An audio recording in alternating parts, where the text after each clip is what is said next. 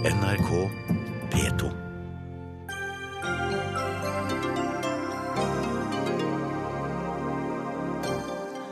Norge vurderer å åpne for hjem hjemsendelse av flyktninger til Eritrea.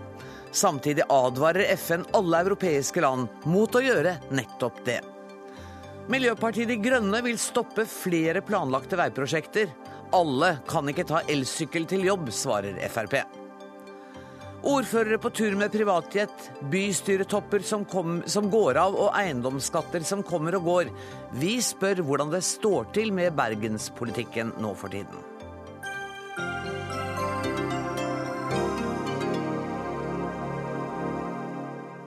Dette er noen av sakene i denne mandagsutgaven av Dagsnytt 18, der vi også gjør et forsøk på å forstå den politiske situasjonen i Tyrkia etter valget i går. Men først. Den norske regjeringen vil gjerne åpne for å sende eritreiske flyktninger tilbake til hjemlandet. Men FN advarer mot å returnere dem til Eritrea, bl.a. fordi de kan vente seg kraftige represalier fra myndighetene. Ifølge en FN-rapport som kom i dag, er Eritrea ansvarlig bl.a. for tortur, sexslaveri, tvangsarbeid og massedrap. Um, Statssekretær Gøran Kalmy fra Fremskrittspartiet, og som nå er statssekretær i Justisdepartementet, besøkte Eritrea i helgen. Hva var ditt inntrykk? Jeg syns den introen din var litt upresis. Okay, kom fordi igjen. eh, vi eh, har ikke sagt at vi ønsker å åpne opp. Det vi har sagt, er at vi trenger en mer grundigere eh, faktagrunnlag for å kunne vurdere asylsøknadene som kommer fra personer fra Eritrea. I dag er det slik at eh, man gir opphold til de aller fleste pga. at man har for lite fakta om hva som egentlig skjer i Eritrea. Derfor så reiste vi ned til Eritrea for å få tilgang for norske fagpersoner, sånn at de kan være på bakken i Eritrea for å vurdere situasjonen. Og så har vi også reist ned fordi eritreiske myndigheter sier at den nasjonaltjenesten som stort sett er grunnlaget for de fleste som får asyl i Norge. Nasjonaltjenesten, altså militærtjeneste?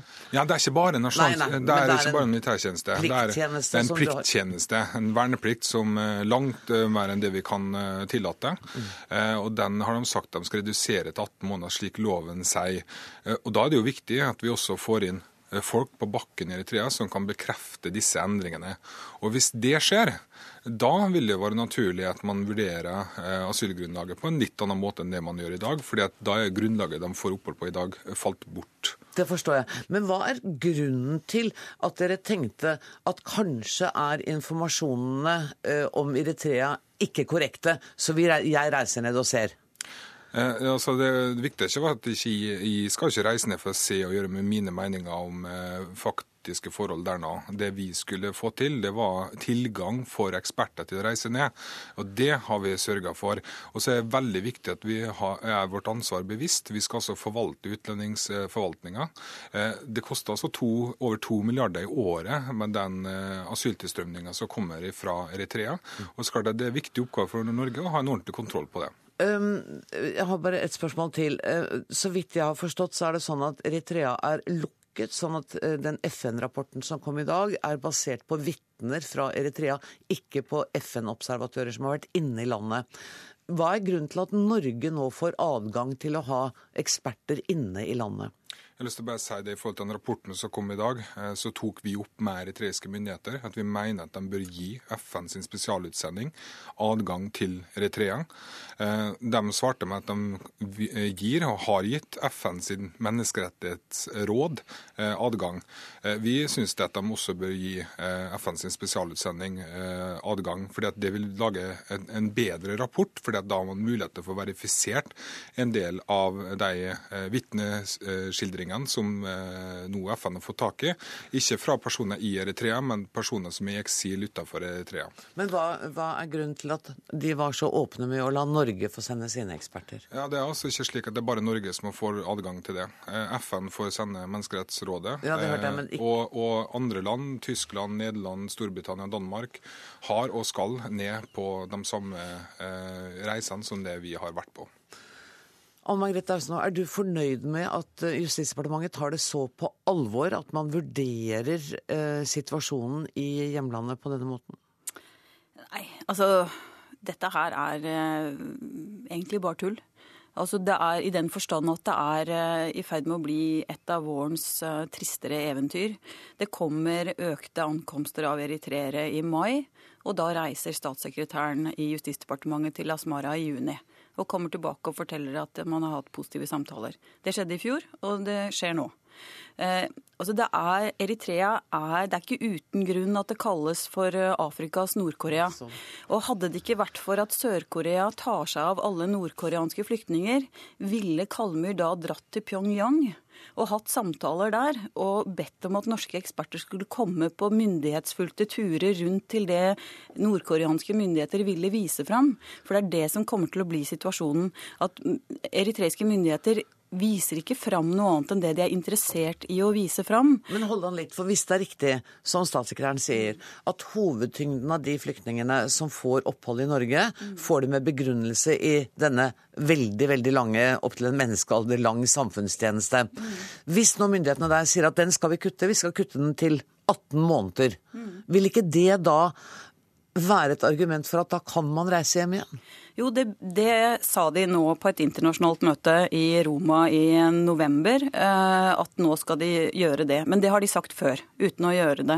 Og den, europe, nei, den eh, eritreiske økonomien er fullstendig eh, avhengig av å ha tilgang til denne formen for slavearbeid. For dette er jo en totaltjeneste. Det er sivile tjenester og det er militære tjenester. Og den gjelder alle kvinner og menn mellom 18 og 40. Sånn at det er ikke noe sånn man kan altså Det at de sier nå at den skal avgrenses til bare militært og bare 18 måneder, det sier jo også norske landinformasjon, altså Landinfo, som er den statlige institusjonen som gjør disse landrapportene, som var der så seint som i januar i år, sier at vi kan ikke vite noe om de faktisk mener alvor denne gangen før i oktober 2016.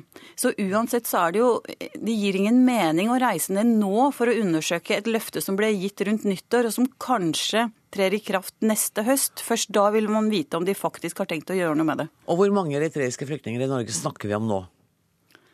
Ja, akkurat antallet I fjor så kom det vel Cirka rundt 3000. Mm. Eh, og det har det ligget på nå noen år. Det har vært den største eh, asylsøkergruppen til Norge eh, de siste to årene. Eh, og de har vært flyktninger til Norge siden tidlig på 80-tallet. Du skal få ordet igjen, statssekretær. Jeg må bare ta inn Katrine Talerås, som er forsker ved, ved PRIO. Eh, hvordan ser du på at norske myndigheter reiser ned for å undersøke situasjonen? Altså, Man kan jo ikke si noe annet enn at dialog er positivt. Eh, det er veldig viktig, sånn som Kalmyr sier, at man, at man legger et, et, press eh, på Eritrea for at de skal forandre eh, sin politikk, særlig nå overfor nasjonaltjenesten. Men allikevel så blir dette gjort i samme vending som man snakker om en returavtale. Og det er altså det er, er altfor tidlig å snakke om en mulig returavtale når man snakker om å forandre den humanitære politiske situasjonen i Eritrea. Kan altså, Norge bli lurt her i et politisk spill? Nei, Norge, altså, Norge kan ikke bli lurt. Jeg tror nok at regjeringen er fullt klar over hva, eh, hva, eh, hvilket spill regjeringen òg går inn i da. Eh, men det er òg viktig å påpeke at det er flere faktorer som fører til at mange søker asyl og drar flykter fra Eritrea. Det er ikke kun snakk om nasjonaltjenesten. Det er òg politisk opposisjon, homofili er forbudt, det er ikke etnisk og religiøs frihet, det er veldig mye, veldig mye problematikk der. Eh, så dette med en returavtale vil òg ikke nødvendigvis ha så mye å si eh, per dags dato for de som har flyktet fra Eritrea. Eh, de har, en, altså de har begått en kriminell handling ved å flykte. Så dersom de drar tilbake ved en returavtale, så vil de bli sett på som kriminelle. Om det var fordi at nasjonaltjenesten Eller om nasjonaltjenesten er endret eller ikke. Eh, så de vil da ha represalier, kan frykte straff, forfølgelse, tortur, alt mulig. Eh, uavhengig om nasjonaltjenesten blir forkortet til 18 måneder eller ei. Hva ser du til det kommer? Det er jo nettopp de forholdene som nå Prio trekker fram, eh, som man må få undersøkt. For her er det litt forskjellige og motstridende meldinger. Eh, Bl.a. de ambassadørene jeg snakka med fra andre land, påpekte jo det at mange fra diasporene rundt omkring i europeiske land drar jo tilbake igjen til Eritrea på ferie om sommeren. Eh, sånn at Her er det mange ting vi er nødt til å undersøke. Men jeg tror det viktigste er jo nå at eh, man får en tilgang til Eritrea. Her er det viktig at man ikke trekker noen konklusjoner om hva de undersøkelsene vil medføre. Eh, fordi at eh, nå skal vi inn, få undersøkt. Og Når skal dere inn? Når ja, det, det, må vi på en måte legge de praktiske detaljene på. Hvor mange eh, eksperter har dere tenkt? Ja, det er ingenting av det som er beslutta ennå. Det er bare noen dager siden vi kom tilbake med en fersk tillatelse om å få innreiserne for fact-findingsgruppa og andre. Så det må vi komme litt tilbake til. Men det viktigste er at vi har fått den tilgangen. Det er et tidsvindu nå der jeg tror også eritreiske myndigheter ser at de er i en veldig pressa situasjon. De tidsvindu, hva, hva, mener du med det nå? De, de mister jo uh, den store deler av ungdomsbefolkninga si ved at Europa har den asylpolitikken vi har i dag, der over 90% får, får medhold i asylsøknaden sin. Det gjør det at Eritrea er nødt til å forandre systemet sitt, for hvis ikke så har de rett og slett ikke noen ungdommer igjen i landet. Det er godt, og det som regjeringen kunne gjøre, hvis den virkelig ville følge opp sin egen stortingsmelding om menneskerettigheter i utenriks- og utviklingspolitikk, det var å dra til Addis Abeba og snakke med Etiopia, som den norske regjeringen har valgt som et av tolv hovedsamarbeidsland, om at de okkuperer og har gjort det i 15 år innpå en kvart eh, del av eh, det som er anerkjent eritreisk territorium. Det er grunnlaget for at Averkis regime har den totalmilitariseringen, totalkontrollen, full stopp på alle medier, på all opposisjon, hele det regimet som, som er der nå. Så virker man virkelig ville gjøre noe for de unge generasjonene av eritreere, så begynner man i Addis Abeba. Den oppfordringen tar statssekretæren eh, med seg, og jeg må si tusen takk til eh, Gøran Kalmi fra Justisdepartementet, Ann Margrit Austenå fra NOAS og Katrine Talerås fra Prio. Dagsnytt 18 alle hverdager klokka 18. På NRK P2 og NRK2.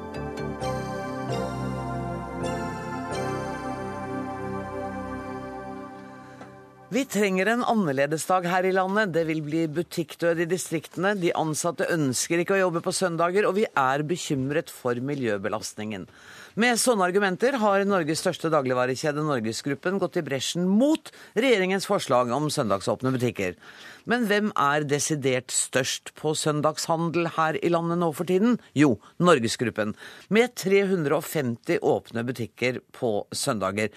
Bård Gulltvedt, direktør for næringspolitikk i Norgesgruppen. Hver søndag er nær 15% av butikkene åpne. Og dere eier altså 350 av dem. Går det an for deg å forstå at det lyder litt hult når dere argumenterer sterkt mot søndagsåpne butikker? Ja, Det er mulig å forstå det, men eh, virkeligheten er den at ca. 2% av vår omsetning eh, kommer fra søndagshandel. Eh, vi har altså ca. 340 mindre butikker som åpner på søndager, av totalt nesten 1800 butikker som vi har i vårt eget system. Så det vi prøver å få fram her, er at hvis det blir en generell adgang til å holde åpent på søndager, slik regjeringen vil, så vil det bli flere tusen søndagsåpne butikker. Det er mange ganger så mange søndagsåpne butikker som, som, i dag. Men det verste er vel at det vil ødelegge den i og for seg kraftige monopolstillingen dere nå har? Eh, vi har, eh, vi har, ingen monopolsituasjon på når det gjelder søndagen. Eh, Dere har 350 Rema, butikker. Ja, men da må jeg også få lov til å si at Rema, som sitter ved siden av meg her, de har flere hundre søndagsåpne kiosker og bensinstasjoner. Coop har søndagsåpne butikker, og Bunnpris har mange søndagsåpne butikker. Vi er langt fra alene. Det skjønner jeg, men dere er veldig store, og dere eier også Mix og Deli de Luca. Og 238 av de 350 butikkene er Joker-butikker. Men eh, ja, OK. La oss eh, gå videre da, til Mette Fossum Beyer, kommunikasjonsdirektør for uh, Rema 1000. Er det ikke kan ikke dere ta det politiske signalet som er kommet så tydelig nå fra eh, arbeidstakerorganisasjoner, fra sterke politiske partier, om at vi vil ikke ha flere søndagsåpne butikker? Altså, Vi har stor respekt og forståelse for at folk ikke ønsker å ha søndagsåpne butikker. Men det som Altså, vi har jo hatt uh, søndagsåpne butikker i Norge i mange år allerede, så dette er ikke en debatt om for eller imot dette. Men det vi ser er en utvikling uh, drevet av Norgesgruppen, Kiwi, Joker og Sparbutikkene som Gulltvedt her representerer. Der det er flere og flere søndagsåpne butikker, og flere ønsker å handle på søndag. Og I de siste årene så har den omsetningen på søndag økt. Og det ønsker vi å ta en del av. For vi kan ikke sitte Ja, for det er sitte det jeg sitter og leder Ja. nå. En debatt mellom dere om hvem som skal få lov å bli størst. Det er i realiteten det. Dere gir egentlig blanke blaffen i forbrukeren, men dere vil ha mer av kaka begge to.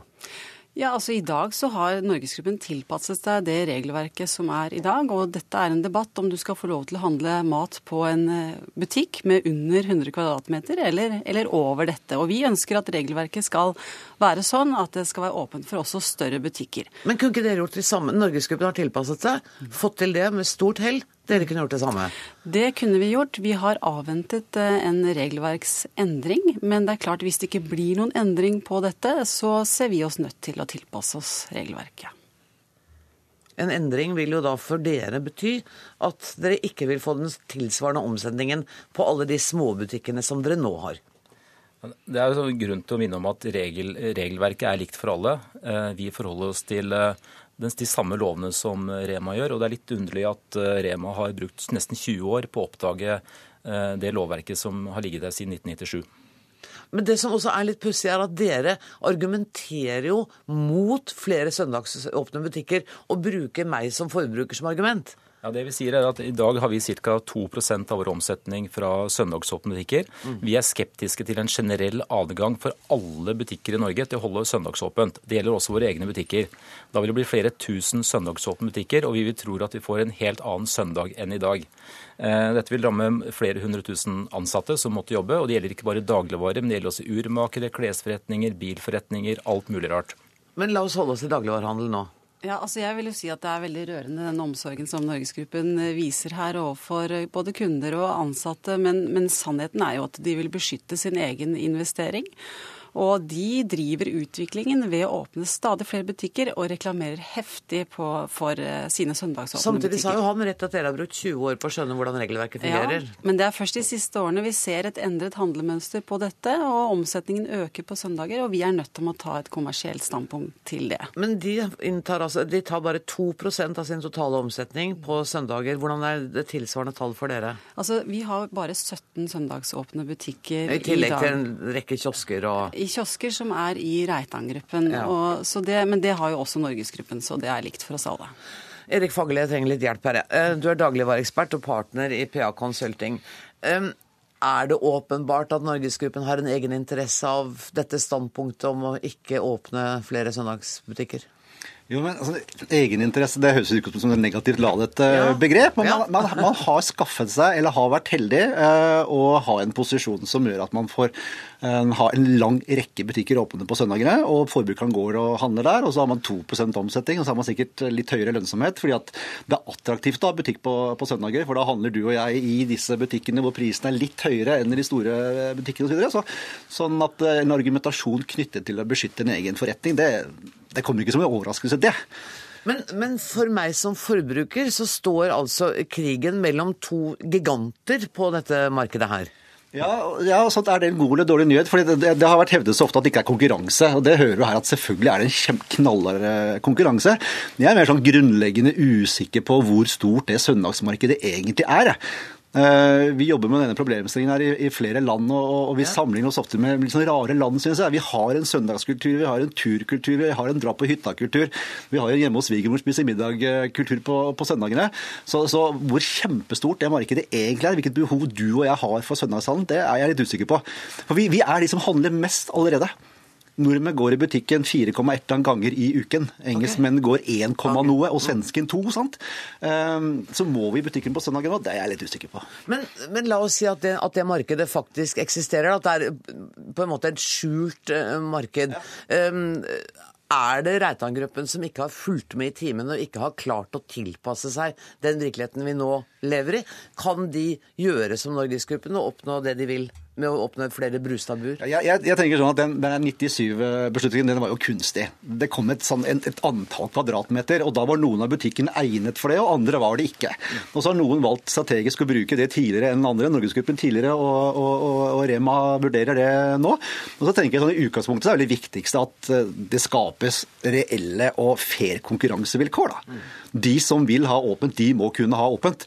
Eh, om da dere må investere masse penger i å få disse butikkene ned i en riktig størrelse eller opp i riktig størrelse, det, det får da høre med. Men, men er det ikke rettferdig? Det er jo lik regler for alle nå. så det er jo... Ja, og det må passe på at, eh, at det forblir. da.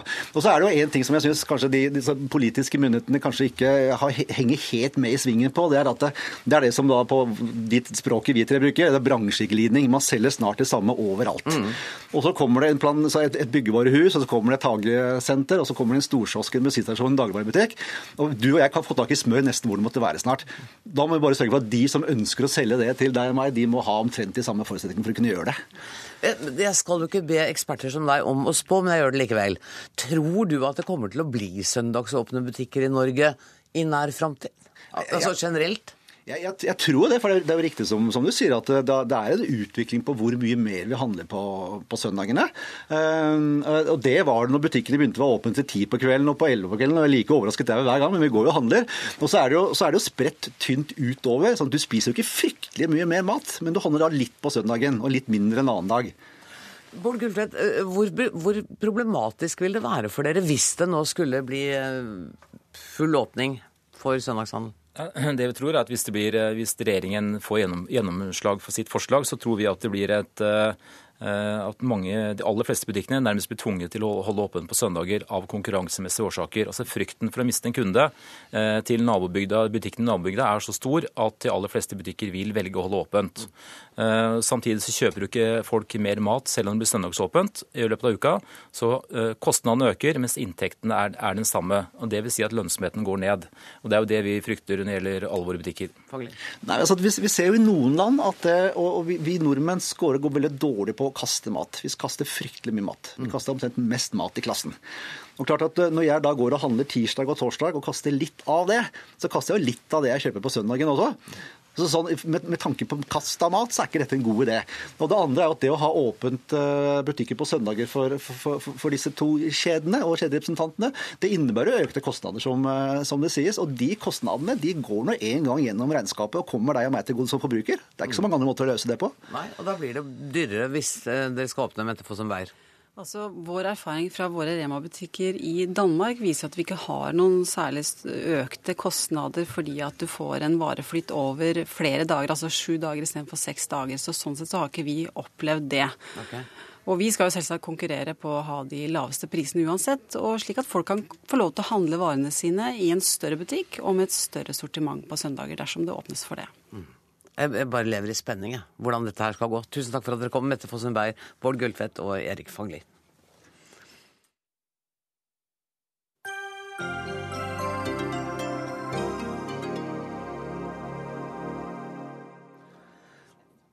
Miljøpartiet De Grønne ønsker å stoppe åtte planlagte veiprosjekter i Norge, bl.a. ny europavei mot Asker, altså fra Oslo, og mellom Sandnes og Ålgård.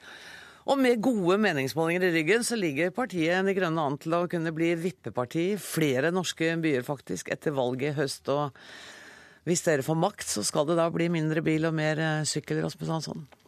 Ja, nå er dette alt sammen veiprosjekter som bestemmes i Stortinget og ikke i byene. Eh, Men eh, hovedpoenget er altså at vi har en regjering som planlegger en eh, masse svære veier som skal pøse nye biler inn i byene, hvor det for det første ikke er plass til alle de bilene, eh, for det andre blir det dårligere miljø av de bilene, og for det tredje så har jo Stortinget i 2012 vedtatt et klimaforlik, og der står det at all trafikkøkning inn til byene skal tas med kollektiv og gang og sykkel.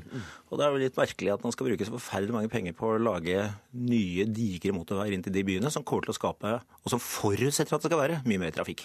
Ja, og bare for å være presis, dere vil altså ikke stoppe prosjekter der det er inngått kontrakter allerede? Nei, da, I Det- Miljøpartiet De Grønnes uh, alternative statsbudsjett så er det 10 milliarder til veier. og Det vi skal vedlikehold og rassikring og alt som er bra. Ja. Men de nye pengene i samferdsel de må vi bruke til det vi egentlig er enige om at vi skal bruke dem til, nemlig eh, tog og kollektiv og gange og sykkel. Eh, men da må vi faktisk gjøre det, og ikke bruke opp penga på å bygge enda flere motorveier. Åse Michaelsen, fraksjonsleder for Fremskrittspartiet transport- og kommunikasjonskomiteen på Stortinget. Hvordan reagerer du når du hører dette? Jeg vet ikke om jeg skal ta det helt alvorlig. Jeg tror han mener at du skal ta det helt alvorlig. Jeg har sett det på han. Jeg ser at han mener veldig alvorlig. Greia er jo det at det går an å tenke begge deler.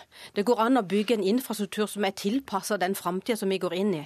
Vi er jo òg klar over at vi bygger veier òg for en bilpark som i framtida kommer til å være utslippsfri.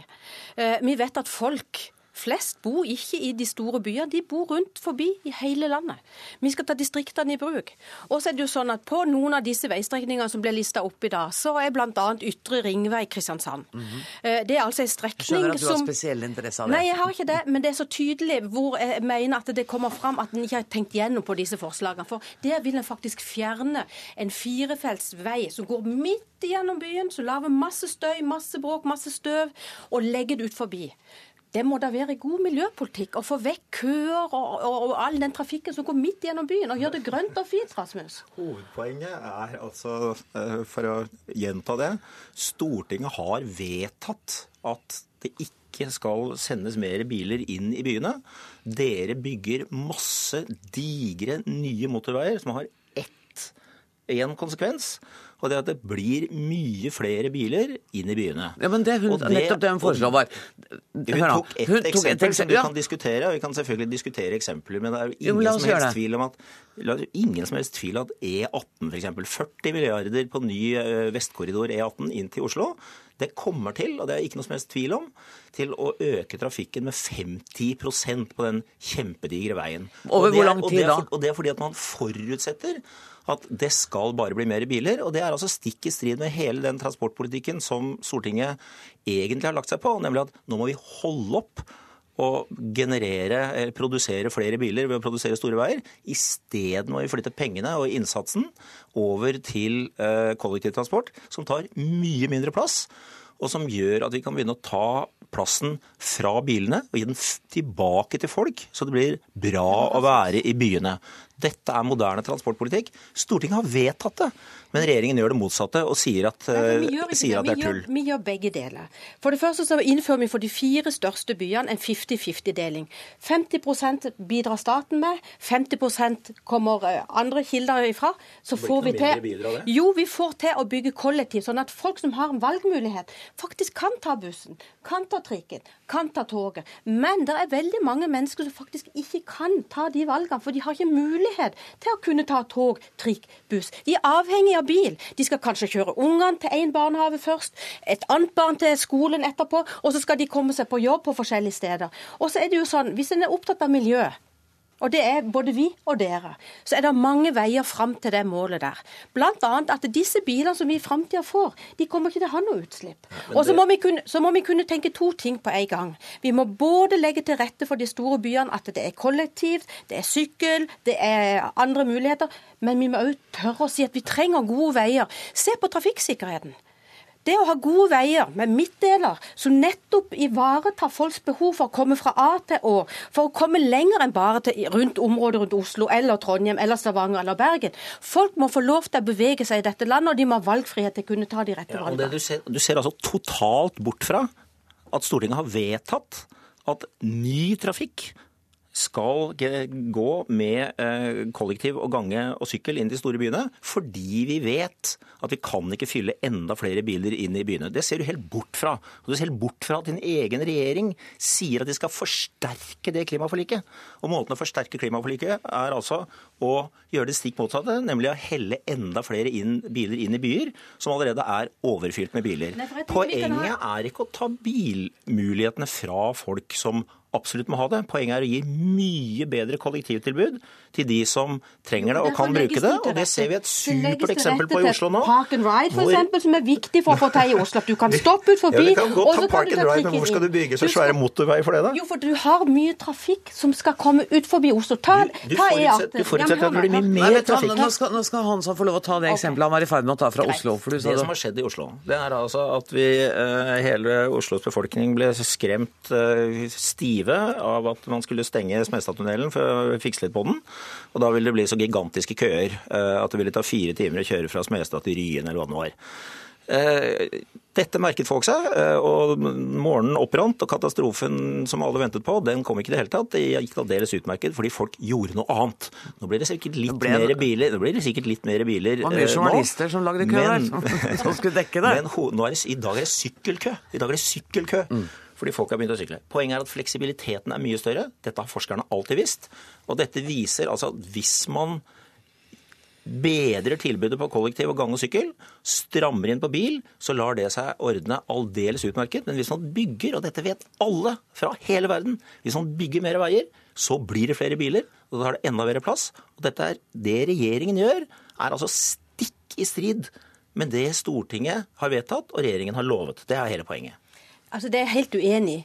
For det første så har vi økt altså vi har 50 økning bare til jernbanebudsjettet. Ja, men dere øker vi øker, øker, ja, men det går an å gjøre begge deler. For det er ikke sånn at alle må styres inn at du enten må ta tog, trikk eller sykkel eller hest og kjerre. Jo, det må, det nei, det nei nå, nå snakker jeg.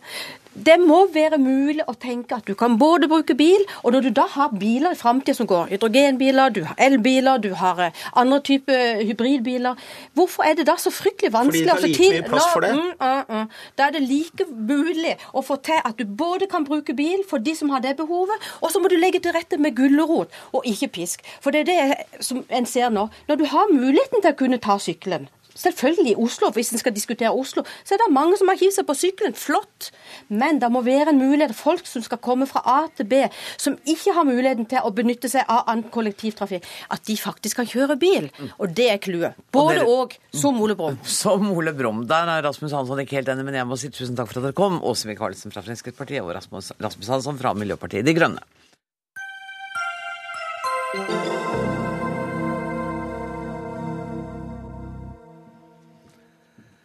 I ettermiddag ble det flertall i Stortinget for å avvikle juryordningen. Dermed går det mot slutten for den nesten 130 år gamle ordningen i norske rettssaler.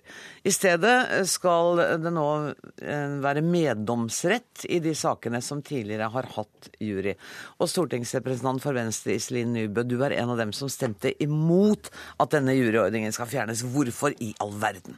Ja, nei, det er klart Venstre har jo alltid kjempa for eh, juryordningen helt fra 1887, når han ble innført. Mm. For da var det jo en kamp mellom lekfolk og embetsmannsstaten. Og for oss var det da viktig at eh, retts, rettsstaten vår skulle, skulle preges av et sterkt lekmannselement. Fordi man det man skulle dømmes av, av sine likemenn. Ja, og det er klart at det er jo en tradisjon som vi i Venstre bærer med oss fram til i dag. At det med lekmannsinstituttet står sterkt. Det å dømmes av sine likemenn. Og ikke minst det at det ikke juristprofesjonen skal ta over en så viktig oppgave som det å dømme folk eh, er. Eh, Så vi har programfesta at vi ønsker å eh, beholde juryordningen, selvfølgelig med visse endringer, men vi ønsker å beholde. Ja, men Hvilke endringer da? F.eks. at den skulle begrunne? Ja, for det er klart at eh, kanskje det viktigste ankepunktet mot juryordningen, det er at de ikke begrunner sin avgjørelse. Eh, og det er ganske problematisk, spesielt hvis du har en situasjon eh, der man blir frikjent i tingretten med en begrunnelse. Og så blir man dømt i lagmannsretten uten en begrunnelse. Og det er klart at dette er ikke holdbart, eh, verken for de som er offer for kriminalitet, som, som skal, altså som også må ha en begrunnelse, men ikke minst for den som blir dømt. Eh, og dette, dette mener vi at vi kunne ha utbedra i, i juryordningssystemet. Så kunne vi ha krevd en sånn, begrunnelse fra Ja, juryen. Lene Vågslid, stortingsrepresentant for Arbeiderpartiet, kunne ikke det vært en løsning? Beholdt juryen, men pålagt dem eh, begrunnelsesplikt. I dag så gjeng ca. 15 000 straffesaker for meddomsrett. Om lag 300 gjeng for jury. Meddomsrett er et godt innarbeida eh, prosesssystem i norske domstoler som eh, ingen egentlig er kritiske til. Juryordninger derimot har vært utsatt for mye kritikk de senere årene. Eh, Vi mener òg, som Venstre, at det er en hovedinnvending mot juryordningen er at det, mangler begrunnelse. Eh, Og da mener vi at det er fornuftig å bruke den prosessformen vi allerede har i dag, med meddomsrett som blir bruka i de aller fleste sakene. Men akkurat dette prinsippet med å være dømt av sine likemenn, da, Mm. og det at ikke juristene skal på en måte få makta Mm. over det som er det viktigste, nemlig rettsvesenet vårt? Nei, juristene får ikke makt i Ivikon gjennom dette forslaget. Det er jo uttalt både fra Arbeiderpartiet og de andre partiene som står bak forslaget om å avvikle, avvikle juryordninga, at eh, lekfolket fortsatt skal være i flertall. Arbeiderpartiets landsmøte vedtok i 2009 at vi burde erstatte juryordningen med en meddomsrett der eh, det er seks eh, lekfolk og tre fagdommere. Eh, Men vi kommer tilbake til størrelsen på meddomsretten. For Arbeiderpartiet så er det veldig viktig at en ivaretar eh, det lekfolkinstituttet som Venstre peker på. Så flere lekfolk enn fagfolk i Ja. en stor meddomsrett. Ja. Men det er jo allerede altså sånn som det fungerer i dag, så kan jo eh, fagdommerne sette til side eh, juryens kjennelse. Mm, de kan det, og da må du begynne saken helt på nytt. Og jeg mener at for de som er involvert i en rettssak, eh, som tiltalt, som offer for grov kriminalitet, så er det viktig at vi har både gode og effektive system. I tillegg til at en burde få vite hvis en f.eks. blir utsatt for en voldtekt, og tiltalte blir frikjent, så mener jeg at det er viktig at de vet hvorfor det som skjer, skjer. Hvis en i slike alvorlige saker En skal huske på at de sakene som går for jury, det er de mest alvorlige sakene. Det er de mest strafferamme på er det seks år eller over? Er det ikke det? ja, Og det å da starte helt på nytt pga. et system som et flertall på Stortinget i dag ikke mener vi trenger lenger, det er bare tull. Men Iselin Nybø, dere vet jo, dere er jo oppegående folk. Dere vet jo at dere er jo ikke nå i takt med f.eks. norske dommere. Norsk dommerforening er jo helt for å fjerne denne juryordningen. Ja, nå er det jo sånn at Aktørene i retten er jo delte på dette spørsmålet. Det er de. Eh, og Forsvarergruppa i Advokatforeningen med Frode Sulland i spissen har vært tydelige på at det er en viktig rettssikkerhetsgaranti at vi har juryordningen. Sånn at eh, man kan alltids finne noen å ta til inntekt for sitt syn. Eh, det som jeg syns er poeng med juryordningen, som, som du ikke får med meddomsretten, det er at eh, For meddomsrett fungerer veldig bra og er, er ganske bra, men, men det som er unikt med juryordningen, det er at du har en arena der det bare er lekfolk. Eh, Det gjør at vi må innrette vårt rettssystem eh, på en måte som gjør at de forstår hva som skjer, at de er med på det som skjer, og at det er de som bestemmer det som skal skje på den arenaen. Er du det- redd for at juristene i en stor meddomsrett eh, skal drive en rettsbelæring og dermed påvirke lekfolket utilbørlig? Ja, jeg syns det er grunn til å være bekymra for hvordan forholdet mellom lekfolk og dommere vil utvikle seg. Selv om vi har det jo i meddomsretten, så vi kan jo ikke si at det ikke fungerer godt, for det fungerer godt der. Men jeg tror at når vi har et rettssystem der det er en arena med bare lekfolk, så tvinger det oss til å snakke på en måte som gjør at det ikke at andre enn jurister òg forstår hva vi holder på med. Og det mener jeg gir legitimitet til systemet som, som helhet. Så derfor mener jeg det er et ganske viktig prinsipp å beholde en arena med bare lekfolk. Ja, Påvirkningsargumentet har jo blitt bruka ofte i debatten om juryordningen. Og i eh, NOU-en når sånt skal skrives, i høringsbilet som kom inn der, så ble det bl.a. vist til undersøkelser eh, som er gjort blant medlemmer av jury. Og det foreligger ikke noe empirisk grunnlag for å si at jurymedlemmer blir påvirka av fagdommere eh, i meddomsrett. Eh, det en ser i innspillet vi har fått, er at hvis en opplever påvirkning, så opplever jurymedlemmer det fra andre jurymedlemmer, eller jurylederen. Eh, Så den bekymringen har ikke jeg. Jeg mener det er mye viktigere at vi avvikler juryordningen, erstatter det med en meddomsrett, får til en god begrunnelse, og, Og nå slik sett får dere det som dere vil. Og Iselin Nybø, jeg må bare spørre deg til slutt, er det en trist dag for Venstre i dag? Det er i alle fall en milepæl i dag, når man avskaffer eh, et system som har hatt siden 1887. Jeg mener prinsippet om eh, at du skal dømmes av eh, likemenn, har fått et, eh, fått et skudd for baugen i dag. Men jeg tror vi skal få et, et godt system videre òg. Og jeg tror det er viktig, som òg Vågslid sier, å ha fokus på det med, med lekmannselementet. Men jeg er litt bekymra. Eh, hvis, hvis man ikke ser at det er noen argumenter eh, som tilsier at forholdet mellom lekdommere og nei, fagdommere og lekfolk skal, skal, kan bli problematisk. For det er klart at eh, fagdommerne har juridisk utdannelse. Mange av dem har mange års erfaring. Eh, og uansett hva undersøkelsene viser, så mener jeg at dette er noe vi må være bevisste på hele veien. At dommerne opptrer på en måte som ikke virker for dominerende overfor lekfolk, og som tross alt er våre likemenn, og som skal dømme oss. Hovedtyngden av lytterne til Dagsnytt 18 er dommere, tror jeg, så de har fått med seg det. Tusen takk for at dere kom, Iselin Nybø og Lene Vågslid. Hør Dagsnytt 18 når du vil. Radio NRK.no.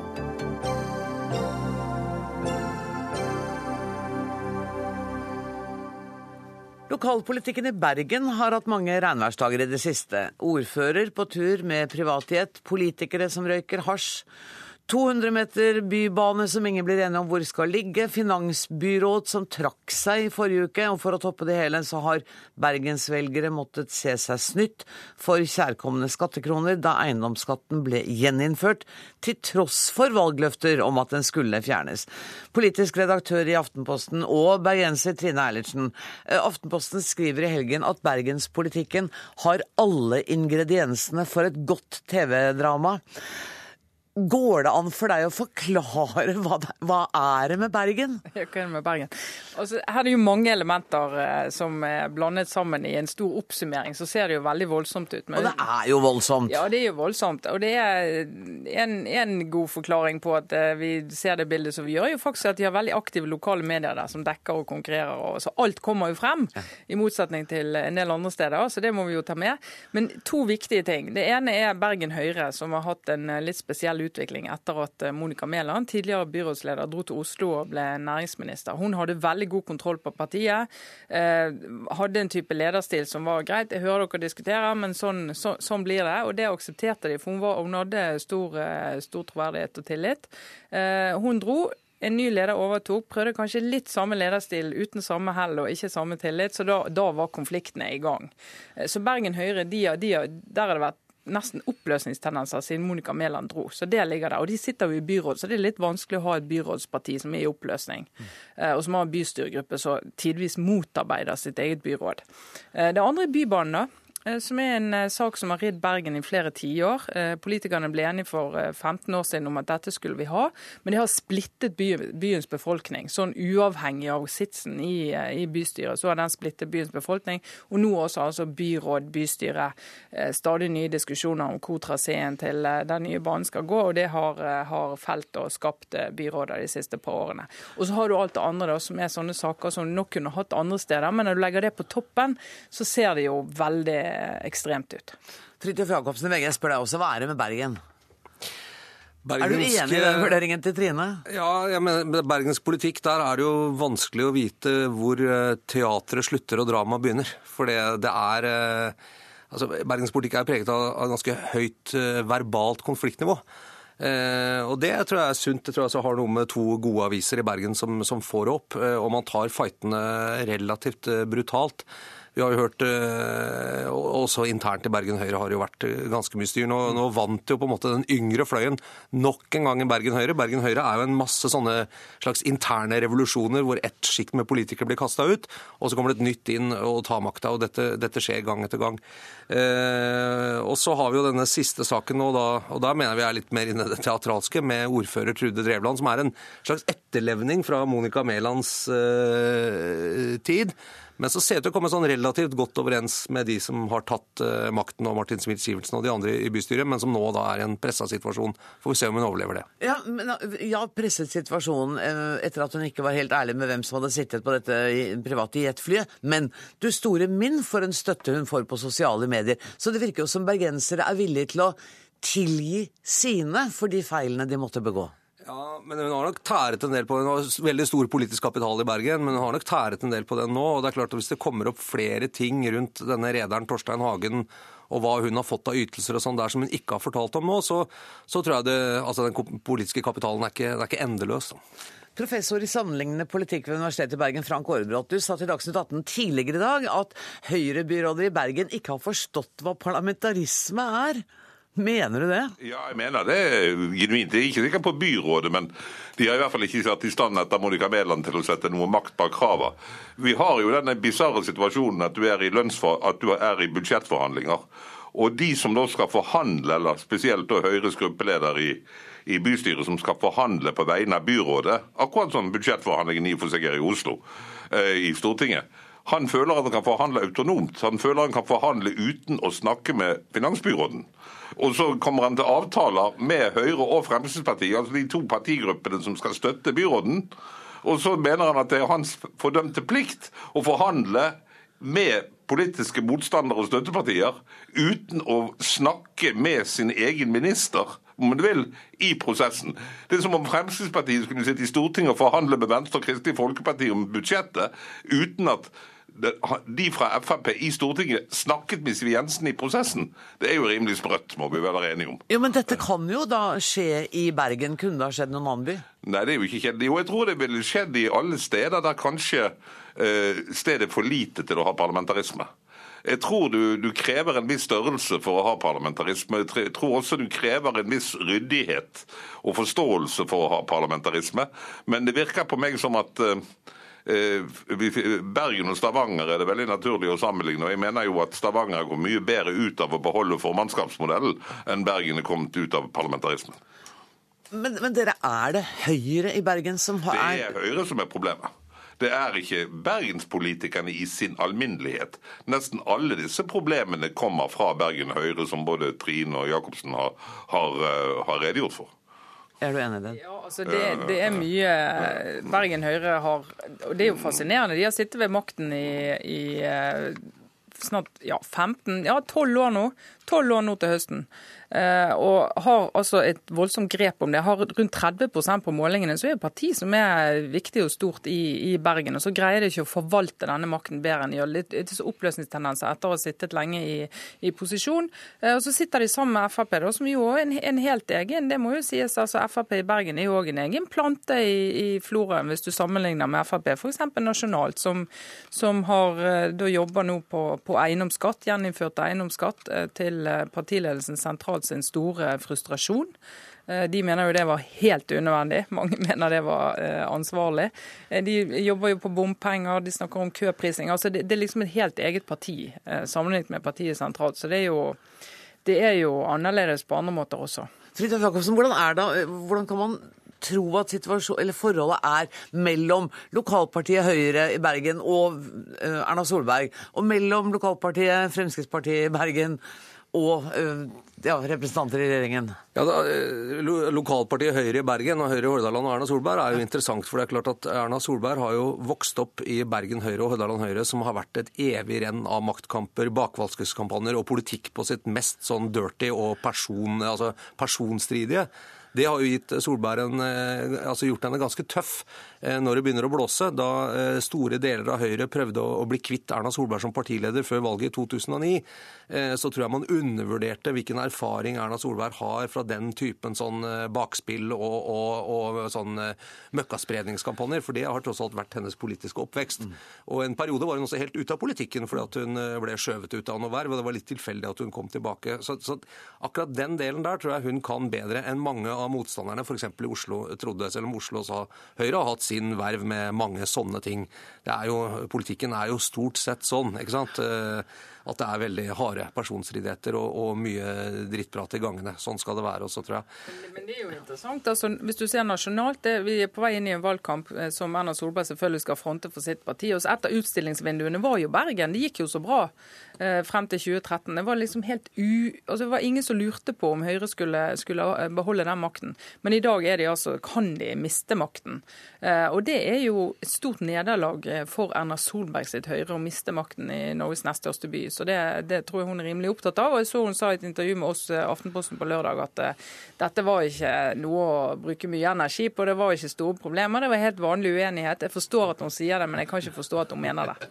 Men det, er, men det er interessant bare ikke sant, å se på dette at eh, når, når det er såpass mye kjør mot Trude Drevland som det er nå, eh, så husker vi fra Per Ditlev Simonsen i et tidligere lokalvalg i Oslo som ble tatt med noe sveitserfranc i fòret som han drev og fraktet hjem fra en hemmelig konto i Sveits. Så ble det en voldsom sympati hos velgerne for han, og det kan altså utløse det som ikke er så lett å se, nemlig en mobilisering og en sympati for Høyre og Drevland. Og hvis eh, Høyre beholder makten i Bergen etter valget, og Oslo, så er det en enorm seier for Erna Solberg. Hvis de taper begge de to byene, ja da tror jeg også det er kjørt i 2017. Så Er du enig i, i det, Aarbrot? Her er det vik- viktig å sitere Bill Clinton i the economy stupid'. Altså, jeg tror, jeg tror også på dette med sympati. Jeg tror at hvis man overdriver eh, dette kjøret mot Trude Drevland, så oppnår man stikk motsatt av sin hensikt. Bergenserne er litt glad i denne ivrige nordlendingen som har promotert byen i kanskje litt for voldsomt av og til, men likevel har et hjerte for byen som er helt åpenbart. Så det skal man ikke se bort ifra. Men er du enig i analysen til Jacobsen Nei, om jeg mener, jeg mener Økonomien er viktig her. Altså, det, det, for å si litt spydig, altså Høyre kom til makten for tolv år siden fordi at Arbeiderpartistyret hadde underbudsjettert, at det var et enormt underskudd. Høyre lovet å rette opp det underskuddet. Så klarte de det. Så kom de dit hen at de kunne fjerne eiendomsskatten, men så måtte de plutselig i 2013 gjeninnføre den. Og så kan du spørre, Hva er det økonomiske utføret som Anne Grete Strøm Eriksen hadde for tolv år siden? Hva er fellesfaktoren mellom det økonomiske utføret som hun hadde for Arbeiderpartiet for tolv år siden, og eh, det uføret som eh, dagens Høyre-ledelse i Bergen sitter og kraver med sammen med Fremskrittspartiet? Jo, det, det hadde felles at Senterpartiet ikke sitter i Kommunaldepartementet. Vet du hva, med, med, det, det, var en bra sluttsats. Tusen takk for at dere kom eh, i dag. Dette kommer vi til å snakke mer om. Trine Eilertsen, Frank Aarbrot og Fridtjof Jacobsen.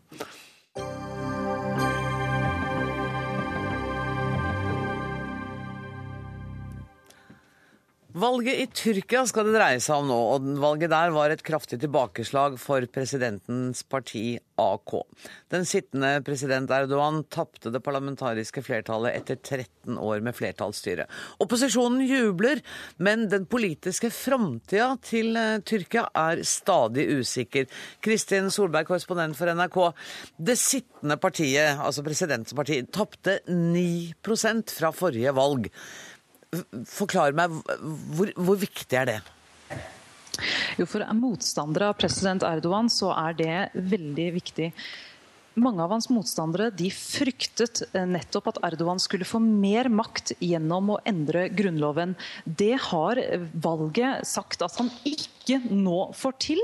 Og de trekker nå et lettelsens sukk for at det ikke skjer. For de har sett eh, gjennom årene at Erdogans lederstil eh, har blitt mer og mer autoritær, og mener at han tar Tyrkia i en ikke-demokratisk retning.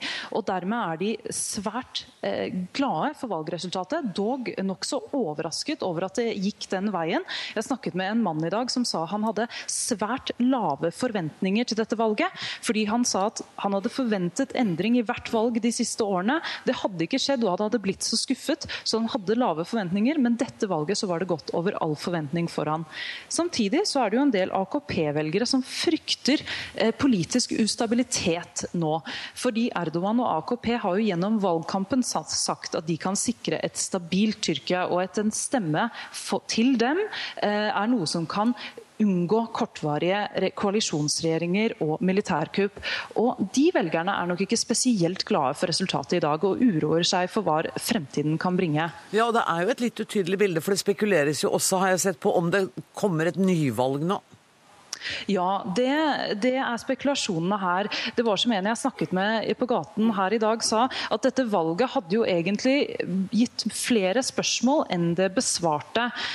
Hvis det er slik at det ikke dannes en ny regjering på 45 dager, så kan president Erdogan ifølge grunnloven skrive ut et nyvalg. Så nå starter jakten på koalisjonspartnere på AKP. Problemet er at det er ikke så mange som vil være i koalisjon sammen med dem. Altså Kløften til de andre partiene er for dyp, og det er for mye vondt blod. Det kan ende med at det blir en mindretallsregjering, men den vil trolig også falle etter nokså kort tid. og Det samme kan i og for seg en eventuell eh, koalisjon. Så Tyrkia har nok noen usikre uker og måneder i vente. Tusen takk skal du ha, Kristin Solberg. Du skal få lov å slippe, for jeg vet du skal videre til eh, Dagsrevyen. Jeg skal isteden snakke med Camilla Trud Nereid, som har doktorgrad på tyrkisk identitetspolitikk. Hvordan vil du karakterisere valgkampen forut for dette valget? Ja, Noen har skrevet at eh, den eh, egentlige seierherren i den tyrkiske valgkampen er populismen, og at det er populisme som har preget valgkampen valgkampen. Man har eh, etablert en retorikk som går veldig på oss mot dem, og oss som da er folket, og dem som da er eh, det sittende regimet.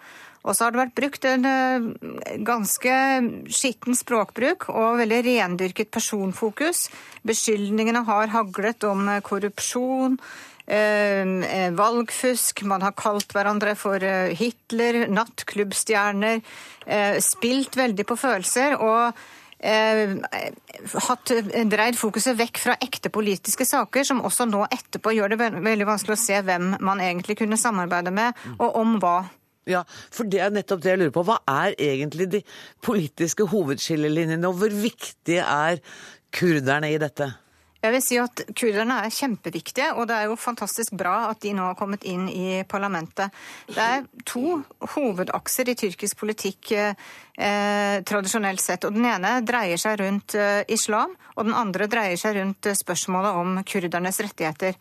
Islam det er på en måte eh, nå blitt eh, legitimt i alle de politiske partiene. Ingen har en retorikk som er eh, anti-islamsk, og alle har fremtredende representanter i sine partier som har en tydelig islamsk identitet. Selv om det, det kan skape litt indre motsetninger, da, som det har gjort i Det republikanske folkepartiet, hvor man har hatt en sånn bikini-burkini-diskusjon etter at man åpna en bare kvinner-strand i feriebyen eh, Antalya. Men stort sett så er eh, islam nå inne. Men eh, spørsmålet om kurdernes rettigheter det er fortsatt en viktig politisk akse, hvor du har det prokurdiske HDP-partiet i den ene enden, og definitivt det nasjonalistiske tyrkiske partiet i den andre. Naji Akök, du er av tyrkisk opprinnelse, du er sivilingeniør, du er venstrepolitiker. Du, hadde, du har sagt til en kollega av meg i dag at dette valget er en seier for demokratiet. Ja, det er riktig, det sier jeg gjerne. Det er jo på mange måter en, et tegn på at eh, den demokratiske bremsen fungerte mot en eventuell autoritær regime. Mm. Fordi um, det som var i kortene, du spurte jo nettopp hva de politiske linjene var, de hovedlinjene. Uh, det viktigste, så vidt jeg kan se, har uh, vært uh, spørsmål om vi skal ha presidentsystem eller ikke. Det var rundt det. Og presidentsystem er ikke det som vi definerer Vesten ut ifra franske eller amerikanske systemet. Okay. Hvilket system ville du hatt? Ja, Presidentsystemet slik det ble definert i Tyrkia er jo mye mer autoritær. Det samler veldig mye mer makt enn det vanlige. Det, den der demokratiske rolledelingen er ikke på plass. Og Erdogan var i ferd med å, ta til seg enda mer makt og bli mer autoritær, ifølge deg? Uh, og ifølge mange. Altså, det var jo i hvert fall de som var frykten mm. som gjorde at HDP, det dere kaller for prokurdiske partiet, som jeg reagerer veldig på, det er Mangfoldspartiet. Mangfoldspartiet. Nå er det ikke bare kurdere som har stemt for dem. Og eh, profilen er litt annerledes enn det det var kanskje i forrige valg. Mm. Grunnen til at de ble valgt, og grunnen til at flere enn kurdere mm. stemte for dem, er jo nettopp det. Frykten for at det ble for mye autoritisme i mm. systemet. Men, men, det at Mangfoldspartiet nå har fått var det 13% av stemmene 13,1 sies det, ja. ja. Mm. Og det er jo et høyt tall, for det sperregrensen i Tyrkia er vel på 10% så de er nå representert.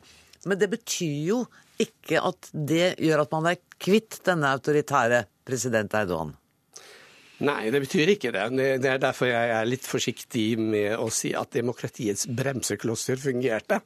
Det betyr ikke at hele uh, karosseriet og hele motorikken i demokratiet fungerer ennå. Det vet vi ikke, det håper jeg inderlig, men vi får jo se. Fordi det er ganske riktig at det er i en uh, meget usikker tid med hva det er som kommer til å skje, hva utfallet blir. Camilla Trudnera, er du enig i at dette valget tross alt er en seier for demokratiet? Ja, det er en seier for demokratiet, men tenker jeg det er viktig å legge til der. For vi vet ikke nå hva som vil bli den videre utviklingen. Tyrkia har jo en eh, historie med koalisjonsregjeringer før. Fra 1993 til 2002 så skiftet eh, Tyrkia syv ganger regjering, eh, ulike koalisjoner. Og så er det jo noen ting som er positivt ved den konstitusjonsendringen som eh, presidenten og AK-partiet har gått inn for, som ikke har fått så veldig mye fokus i valgkampen. For den har jo vært preget veldig mye av for eller imot Erdogan. Mm. Og det er jo bl.a. man ville fjerne ordet tyrker fra Grunnloven, som er en viktig symbolverdi, og man vil gjøre statsborger til det begrepet som man bruker for å betegne de som er eh, borgere i Tyrkia. Og så ville man også eh, øke det regionale selvstyret. Og det er jo to viktige demokratiske saker som eh, har forsvunnet i denne eh, veldig personfokuserte valgkampen. Mm. Og den eh, personfokuserte valgkampen har også ført til at landet nå er i en litt uklar eh, politisk eh, situasjon. Kan jeg bare få fem sekunder hver av dere? Tror dere at det blir eh, nyvalg? Tror du det, Nadia Akek? At det blir nyvalg? Eh, Jeg tror det blir nyvalg, det blir men det blir ikke med en gang, sannsynligvis. Og du, eh, Nereid? Jeg tror ikke det blir nyvalg, for jeg ser ikke hvordan et nyvalg skal kunne endre den situasjonen som man nå nettopp har kommet til. Uansett hva resultatet blir, så kan jeg invitere dere til å snakke om det om ikke så lenge, når vi vet hva som skjer. Tusen takk for at dere kom til eh, Dagsnytt 18, Camilla Trud Nereid og Naji Akuk. Helt til slutt skal jeg bare fortelle dere at eh, det var Ida Tune Ørretsland som var ansvarlig for Dagsnytt 18 i dag. Det tekniske ansvaret påtok Lisbeth Sellreid til seg. Jeg heter eh, Anne Grosvold og ønsker dere en god kveld.